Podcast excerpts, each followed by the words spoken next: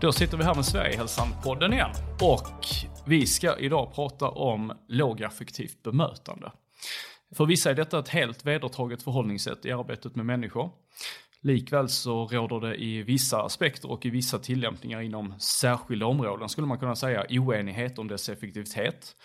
Och faktiskt också dess vara. Ska man använda lågaffektivt bemötande eller inte? Vi ska försöka klargöra en del av det här idag gällande lågaffektivt bemötande.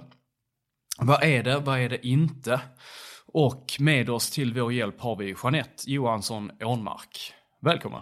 Tack snälla, tack. Vill du presentera dig själv och säga Absolut. vad du har för bakgrund och lite så? Ja, ja.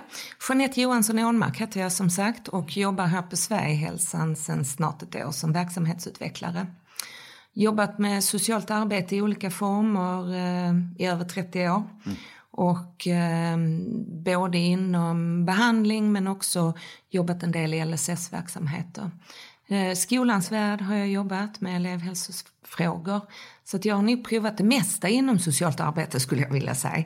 Ja. Eh, och nu är jag här eh, och, och, och eh, har mycket av den kompetensen jag har med mig eh, in i, i Sverigehälsan så att säga. Mm. Just utifrån behandling och bemötande frågor. Mm. Mm. Vad är lågaffektivt bemötande? Alltså grunden är ju att vi givetvis ska följa lagstiftningen. Sen finns det ju också jag tänker att lagstiftningen är ju en sak och sen finns det vissa saker som vi kanske skulle kunna få göra med stöd av lagstiftningen. Men då tycker jag att vi även ska ha en diskussion kring lämpligheten. Är det lämpligt att göra det här? Och då tänker jag på nödvärn och nödrättssituationer. Mm. Eller kan vi hitta en annan lösning än att slänga ner folk, lägga ner folk, hålla fast folk. Så det är den grunden liksom. Och sen pratar man om, om, om tre viktiga principer där den ena är ansvarsprincipen. Och ansvarsprincipen handlar ju väldigt mycket om vem det är som bär ansvar i den här situationen. Och eh, om du utgår från ett lågaffektivt bemötande så är det alltid personalen som bär ansvar. För det är vi som har betalt i relationen. Ja. Eleverna har inte betalt för att gå i skolan, klienterna har inte betalt för att ha kontakt med socialtjänsten eller bo på ett behandlingshem eller så. Mm. Eh, men vi, anses vara professionella och då ska vi ha rätt verktyg. Mm. Nästa princip är kontrollprincipen. Och kontrollprincipen handlar ju väldigt mycket om att människor som inte har kontroll över sig själv tenderar att hamna i kaos betydligt oftare och då kanske det blir mycket som man skulle kunna kalla för utåtagerande beteende eller utmanande beteende, problemskapande beteende. Alltså kärt barn har många namn. Ja. Och det viktiga där är att vi ska utgå ifrån att vårt arbete ska gå ut på att personen ska ha kontroll så fort som möjligt. Så vi behöver jobba på ett sätt så att personen får kontroll över sina eh, affekter. Och då behöver vi ha en rad strategier för hur vi ska kunna göra det. Och grunden för att vi ska kunna hjälpa andra människor med, med kontroll i en sån svår situation är ju att vi behöver ha kontroll över oss själva. Så det går ju inte att vi, om någon är på väg upp i affekt och skriker och gapar, går in och skriker och gapar tillbaka och säger du skriker inte på mig. För det kommer ju bara trigga situationen ännu mer. Mm, mm. Så grunden är att vi måste ha kontroll på oss själva för att vi ska kunna hjälpa andra att ta kontroll. Och sen är det då en människosyn eh, som också är grunden, man skulle kunna kalla det för uppförandeprincipen. Och där eh, eh, säger man att människor som kan uppföra sig gör det. Och det kan man tycka är lite provocerande för det är ju inte alltid människor uppför sig i våra ögon eller öron. Och då eh, är egentligen budskapet och tanken med, med, med det är ju att då är det vårt jobb att se till så att människor kan uppföra sig. Mm. Då landar det på oss igen, så är vi tillbaka i ansvarsprincipen. Men jag tänker, vad, vad är det då för viktiga steg? Alltså, jag tänker alltid från att jag försöker tillämpa de här grejerna när jag, när jag har problem med att borsta tänderna på min son till exempel. Och vi kämpar med detta mm. varje kväll.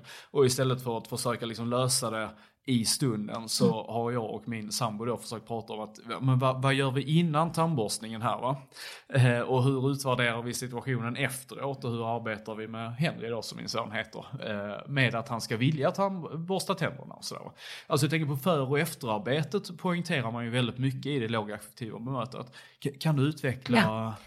Alltså det här är ju grunden för att det överhuvudtaget ska lyckas. Eh, Jag tänker att, att när man pratar lågaffektivt och man säger det här funkar inte, då är det oftast att man har provat olika tekniker när det har varit kaos. Ja. Eh, så att precis som du, du och din fru resonerar så behöver man ju göra detta i ett förebyggande skede så att vi inte hamnar i kaoset. Mm. Det är ju det som är liksom det förebyggande arbetet. Jag brukar säga att 75-80% av vårt arbete ska ligga där, eller ligger där. I det förebyggande? I det förebyggande arbetet. Eh, sen behöver vi ha en rad tekniker för när inte det förebyggande arbetet eh, funkar längre. Mm, mm. Eh, I det lågaffektiva så finns det tre stycken verktygslådor.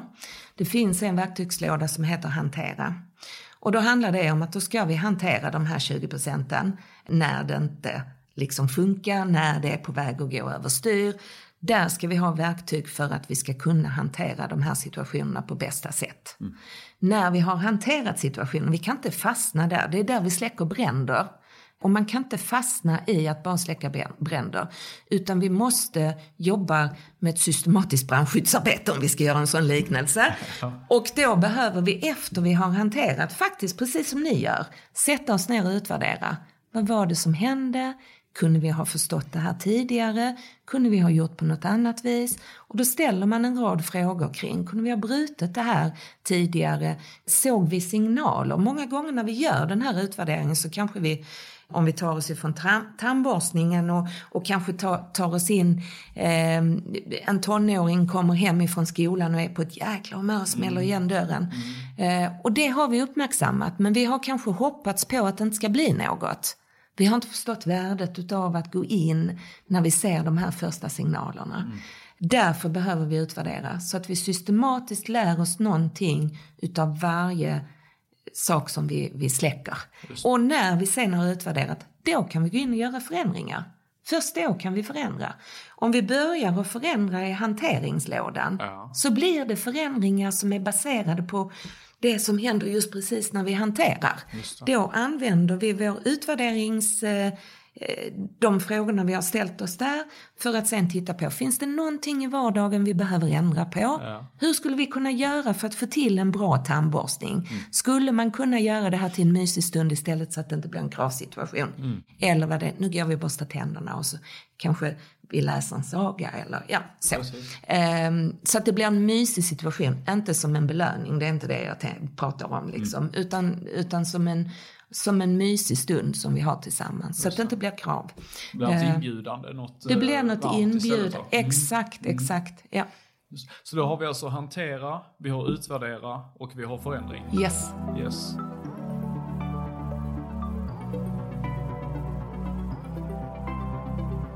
Jag tänker lite, vi ska komma in på tillämpningen lite mm. senare i samtalet tänkte jag. Mm. Men först skulle jag vilja uppehålla mig lite kring vad, vad lågaffektivt bemötande inte är. Mm. Alltså, det har ju blivit sammankopplat med att man, man har händerna på ryggen och står passiv mm. i våldssituationer och så vidare. Mm. Varför har det blivit så feltolkat? Mm. Eller ja. vi börjar så, vad är det inte? Det, det är ju såklart inte det jag sa nu, att man står passiv. Nej, det är det inte. Absolut inte. Lågaffektivt bemötande. Jag brukar säga att vi vi, vi ska jobba med att ignorera en del beteende. Vi ska jobba med att vi ska avleda från konfliktfyllda situationer. Men vi ska aldrig överge människor. Det är det som är grunden. Eh, om vi vänder ryggen till en situation, om vi lämnar en situation utan att ta ansvar för det, här kommer ansvarsprincipen in, då överger vi människor. Och det är inte det det handlar om. Överhuvudtaget inte. Mm. Det handlar inte heller om att vi inte får ställa några krav. För det får jag oftast höra. Okej, okay, så nu ska vi jobba lågaffektivt och då får vi inte ställa några krav. Det är klart vi ska ställa krav. Livet består utav krav. Men vi behöver jobba med en kravanpassning. Och precis det här exemplet som jag hade tidigare. Alltså om jag själv är i affekt så är inte krav det, sätt, det jag, som hjälper mig just precis nu för att lugna ner mig. Mm. Så krav ska vi ha. Mm. Eh, vi har lagar, vi har förordningar i det här landet och det behöver alla förhålla sig till. Mm. Det är väl de största mm, sakerna som jag ser och som jag har fått eh, till mig. Jag har ett sånt exempel om det är okej. Okay. Ja, ehm, det var en enhet som, som vi hade utbildat i, i lågaffektivt bemötande. Och så hade enheten besök av en person som jobbade med personalfrågor. Och medan han var där så, så var det en ungdom som, som eh, löpte amok och slog sönder massa saker på, på enheten. Och han tyckte det var jättekonstigt för personalen gjorde ingenting. Och sen eh, så frågade han efteråt, eh, varför gjorde ni ingenting? Och då svarade personalen, nej men du förstår, vi jobbar lågaffektivt nu så då får vi inte göra något. Och jag, när jag fick höra det här, jag blev alldeles förfärad och tänkte, men gud, vem har utbildat dem? Ja. Och så kom jag på att det var jag som hade gjort det. Det var då vi började tänka på, det här handlar inte bara om att utbilda. Utbilda människor, det är det lättaste steget att vi utbildar oss. Ja. Sen ska det här implementeras. Ja. Och det, det tar tid. Man brukar säga och det här är inte bara lågaffektivt bemötande utan om man tittar på implementeringsforskning så brukar man säga att det kan ta tre år innan en, en metod eller ett förhållningssätt eller arbetssätt är fullt ut in, implementerat i en verksamhet. Och sen finns det då i olika, vad ska man säga, eh, Fallgropar, fallgropar tack ska du ha. Eh, där första är kanske direkt efter utbildningen vi går tillbaks till vardagen och sen efter några dagar så har vi glömt det där lät jättebra men och så är vardagen där. Eh, så brukar man säga att nästa stora fallgrop är efter ett år. När vi börjar känna oss bekväma och så tänker vi, vi börjar vi göra lite, vi börjar freestyla lite. Ja. Eh, och sen så landar det och blir någonting annat. Och sen så då, ja. Så, så, så det här tar tid och det måste ta tid. Man behöver ha stöd i det här för att man ska lyckas med, med sin ja. implementering. Så att den här personalpersonen, alltså människan som jobbade med personalfrågor, han ville ju ha utbildning i det här för att han undrade hur kan det vara möjligt att vi inför ett sånt arbetssätt? Det måste ju kosta hur mycket pengar som helst. Ja. Så då hade vi en, en halv utbildningsdag, eh, han och jag och hans kollegor, ja. eh, för att prata om detta. Eh, och då fick de ju en annan bild. Så det handlar, vi får absolut inte överge människor. Ja. Eh, det är det det handlar om. Så vi måste finnas där, men vi ska finnas där på ett sätt så att vi inte triggar. Vi ska inte stressa, vi ska inte göra situationen värre. Där är ju mm. också en intressant, för jag tänker att det, det blir att det är någonting där att det är så himla viktigt att vara tydlig i situationen man är, alltså om det är en våldssituation. Att man visar vad som är rätt och vad som är fel. Det var ju något eh, i, i, Stockholm, tror jag det var, där något skyddsombud hade slagit larm att nu har de implementerat eh, lågaffektivt bemötande på den här skolan och kulturen är sämre än vad det någonsin har varit. Det är mer kränkning här än vad det någonsin har varit. Det är mer våld än vad det någonsin har varit. För personalen har fullständigt abdikerat mm. ifrån sitt uppdrag för de tror att det är låg lågaffektivt bemötande. Mm. Hur skulle de kunna göra? Hur kan man arbeta lågaffektivt och samtidigt vara tydlig i situationer mm. och inte backa, mm. inte släppa sitt ansvar så att säga. Har Precis. du något bra exempel att bjuda på där? Absolut. Eh, jag tänker att det är egentligen många olika steg i det här. det var också i massmedia för några år sedan, då var det ett LSS-boende, eller ett boende i, i, i Göteborgs stad där ja. man eh, hade, och då skrev vi faktiskt en debattartikel, jag och en kollega tillsammans med Bo Helskov kring det här. Därför att det man beskrev var inte lågaffektivt bemötande och det behöver man ju, man ju faktiskt definiera, vad är lågaffektivt bemötande? Det jag tänker är ju att människor behöver känna sig trygga de behöver känna sig trygga med, med, nya verktyg och för att kunna göra det så måste man ha stöd i det. Och vi har ju haft en del verksamheter där vi där jag jobbade tidigare där, där implementeringsarbetet har tagit längre tid än på andra enheter. Mm. Och då har vi gått in och jobbat och stöttat personalen i vardagen. Alltså om man ändrar ett arbetssätt så ska vi också komma ihåg att vi tar kanske gamla verktyg ifrån eh, personerna. Mm. Eh, och om vi blir verktygslösa, då blir vi förvirrade. Ja. Och risken är att vi skyller det som händer innan vi har hittat rätt med de nya verktygen så skyller vi det på de nya verktygen. Eh, så vi tappar riktning. Så vi tappar riktning, mm. precis. Och sen så blir det metodens fel. Mm. När vi ändrar ett arbetssätt om vi skulle, nu säger jag inte att skolan har jobbat på detta viset, men vi kan ta det till en familj. Om, om, om man har ett väldigt auktoritärt föräldraskap i en, i en familj och sen så bestämmer sig mamman eller pappan eller vem det är som håller i det att nu ska vi ändra arbetssätt. Då kommer vi ha ett barn som studsar lite där i början mm. innan man hittar rätt i det här. Samma grej händer i verksamheten när vi ändrar vårt bemötande och förhållningssätt. Är man vana vid att bli utskällda och inte utskällningen kommer så, oh, vad är detta för någonting? Och risken är ju att, att att det då stegrar eh, innan man har hittat rätt i det. Här är det ofta så att man då tänker att nej men det här funkar inte och så lägger man ner allting. Efter en vecka? Liksom. Efter en vecka. Ja. Sen är det faktiskt också så här, det vet vi alla som har ändrat ett beteende i våra liv. När vi ändrar beteende, då blir det oftast en stegring utav det vi vill ändra. Eh, skulle kunna till exempel om jag bestämmer mig för att jag vill äta lite nyttigare, jag vill gå ner i vikt. Vad gör jag? Ja, men jag börjar på måndag. Vad gör jag på helgen? Jag smäller i mig en massa godis. När man pratar med människor som har slutat röka, samma grej. Jag slutar röka på måndag. Och jäklar vad man röker inför det här liksom. Så det blir en stegring utav beteendet innan man då hittar rätt i det. Eh, och det är för att känna av liksom. Håller det här? Funkar det här?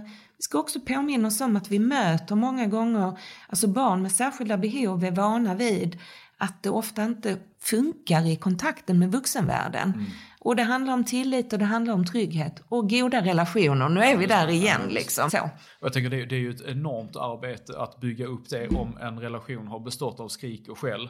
Eh, och höga krav och eh, du möter inte mina krav. Nej. Så att säga. Va? Nej. Då har man ju en rätt så ordentlig uppförsbacke ja, innan, innan det ska visa sig att ett lågaffektivt bemötande har, har effekt. Ja det har, man, det har man. Och det handlar ju inte om att vi inte ska göra saker. Jag tänker det här exemplet som jag, jag berättade tidigare om, om eh, eh, ungdomen som slog i sönder. Ja. Eh, och då fick jag ju frågan ifrån, från den här mannen då, min kollega, så sa han, men hur hade du gjort i den här situationen? Mm. Så sa det är jättesvårt för mig att svara på det så här, jag har inte varit med i situationen, jag skulle behöva lite mer information och så. Och då sa han, nej men jag har mer information. Okej, okay, sa jag.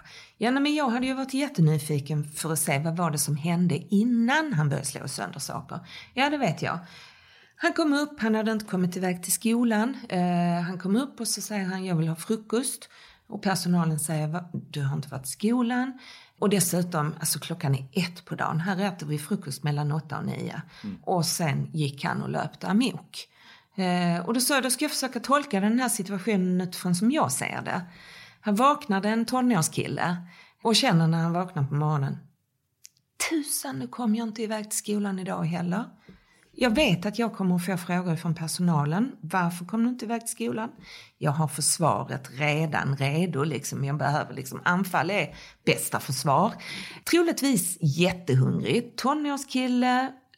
Alltså blodsockernivån är nog inte att leka med. I bästa fall så kanske han har gått, ätit någonting precis innan han somnade. Kommer upp, säger jag vill ha frukost. Och så möts han utav varför har inte du varit i skolan idag? Dessutom äter vi frukost mellan 8 och 9 på morgonen. Mm. Jag tror att jag hade valt att göra så här, att jag hade sagt, om jag nu tycker att det är viktigt att säga, här äter vi frukost mellan 8 och 9, så kan jag få säga det. Men då lägger jag till, men du vi går och kollar om vi kan hitta någonting att äta. Mm. Så hade jag mött honom. Sen hade vi gått och tagit någonting att käka, jag hade tagit en kopp kaffe, satt mig med honom och så där hade vi kunnat ta samtalet. Du, nu kom du inte iväg till skolan. Vad ska vi göra för att det ska bli enklare imorgon? Samma budskap, fast vi gör det vid rätt tidpunkt. Vi gör inte det när folk redan liksom är uppe i affekt, för det funkar inte. Nej.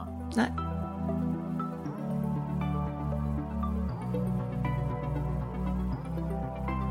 Du, jag tänker tillämpningen här. Mm. Eller Ja, implementering. Vi har ju pratat rätt mycket implementering. Mm. Vad, vad är viktigast att säga? Måste man ha professionell hjälp i implementeringen av ett lågaffektivt bemötande? Är det någonting att lärarkollegor kan göra på egen hand? Eller hur, vad mm. tänker du där?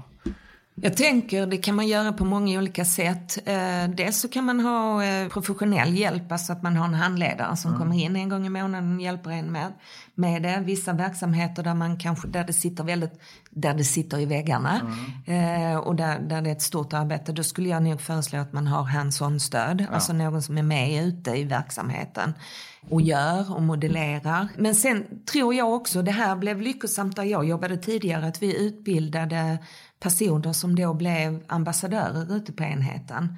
Som var de som ansvarade för att faktiskt bevaka de här frågorna på APT men det var också de som sen fick eh, fördjupningsutbildning för att de skulle kunna stötta, stötta sina kollegor i att hålla processen vid liv. Mm. Och sen är grunden, alla måste äga det här och den som måste äga det allra mest är chefen. Ja. För om inte chefen äger oavsett om vi pratar om lågaffektivt bemötande eller något annat, så, så kommer det inte att hända. Utan det här måste följas i. Det är också så att vi behöver ha en chef som också är lågaffektiv. Mm. Vi kan inte ha en chef som skäller ut sin personal och sen, nu förväntar jag mig att ni ska ha ett lågaffektivt bemötande ute i verksamheterna. Ni får skärpa er. Mm. Mm. Så kan vi ju inte ha det. För att vi gör som, som andra gör, så är det ju i familjer också. Vi gör ju, alltså barn gör ju inte som föräldrar säger, de gör som vi gör. Mm, mm. Eh, så skriker vi mycket så skriker barnen också. Det. Ja. Så det är alltid från en organisatorisk mm. till en personalgruppsfråga till en individpersonalfråga. Det. det här det behöver genomsyra hela organisationen. Ofta så är det så, alltså i de lyckade implementeringarna så får vi ju höra ifrån personalen att jobbet blir mycket roligare, jag är gladare när jag går till jobbet. För det är ingen som vill vara taskig. Och det är viktigt att understryka för ibland liksom kan vi förfasas över att människor gör hemska saker mot barn eller vad det nu är. Mm. Det gör man ju inte för att man vill göra det. Det gör man för att man saknar verktygen. Mm. Och helt plötsligt när det går upp för folk att jag kan faktiskt välja att göra på ett annat vis. Och om jag väljer att göra på ett annat vis så funkar det bättre. Mm då har jag inga behov av det andra längre. Utan det där är frustration. Och i frustration så tänker vi inte klart. Precis som våra klienter eller elever eller brukare inte tänker klart när de är i frustration, mm. kaoset. Mm. Så gör ju inte vi det som personal heller. Ja, um, så där, och där behöver man ju jobba på att man faktiskt liksom tar hand om sig själv i processen som personal. Personalen är ju jätteviktig, det är ju vårt viktigaste verktyg. Ja, eh, och de behöver ju ha, de behöver ta hand om sig själv men de behöver också bli omhändertagna ja, ja. utav organisationen. Eh, och då är det ju ingen som tjänar på att, att man blir utskälld för att man har gjort fel vad nu fel är. Man har gjort så gott man kan.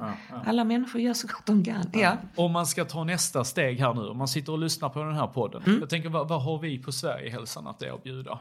Vi har ju utbildning i lågaffektivt bemötande. Dels har vi en öppen utbildning där man kan eh, köpa enstaka platser, både som privatperson men också som, som företag. En tvådagarsutbildning. Som jag sa innan så gifter vi ihop den med, med Mindful Self Compassion. Ja, och då så kan att, eh, skolpersonal, skolpersonal alla? Absolut, absolut. Okay. Sen jobbar vi också mycket med uppdragsutbildningar. Ja. Igår faktiskt var jag i Lidköping okay. och träffade ett företag. Eh, de har beställt då en, en utbildningssatsning för sina familjehem. Ja. Där vi både har fokus på eh, lågaffektivt bemötande men också neuropsykiatriska funktionsnedsättningar och tydliggörande pedagogik. Ja. Så att vi gör uppdragsutbildningar.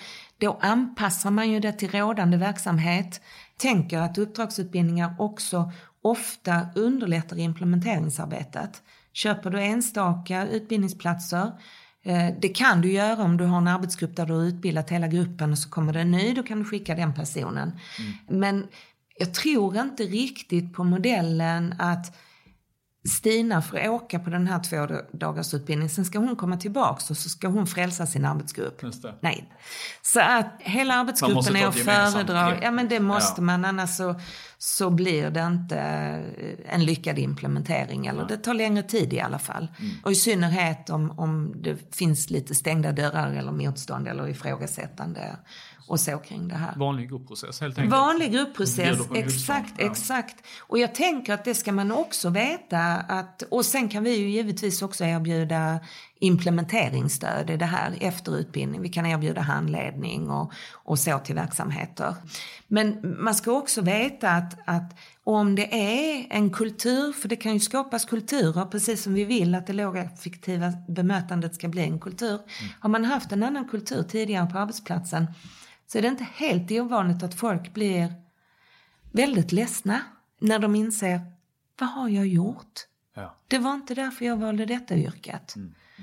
Och det behöver man ju ha hjälp med och stöd i. Eh, alltså jag har gjort så gott jag kan. Det är ju det det handlar om. Ja. Så att man faktiskt kan gå vidare. Jag kan göra annorlunda framöver. Jag är ingen sämre människa för det här. Jag har bara haft jäkligt dåliga verktyg. Mm. Så nu ser vi till att skaffa de verktygen. Och då kan vi erbjuda implementeringsstöd i det. Just. Ja. Mm. Fantastiskt. Mm. Och jag tänker om man vill komma i kontakt med dig. Ja. Eh, Sverigehalsan.se. Ja, eh, kan man göra. Man kan ringa hit och be att bli, be att bli kopplad till Jeanette. Kan man göra, ja. absolut det kan man göra. Ja. Strålande. Ja. Du, det har varit ett jätteintressant samtal. Tusen tack. Tack själv för ett bra samtal och bra. Ja. Hoppas vi eh, träffas i den här formen igen. Ja, ja, ja, jättebra. Tack så mycket. Tack själv. Tack.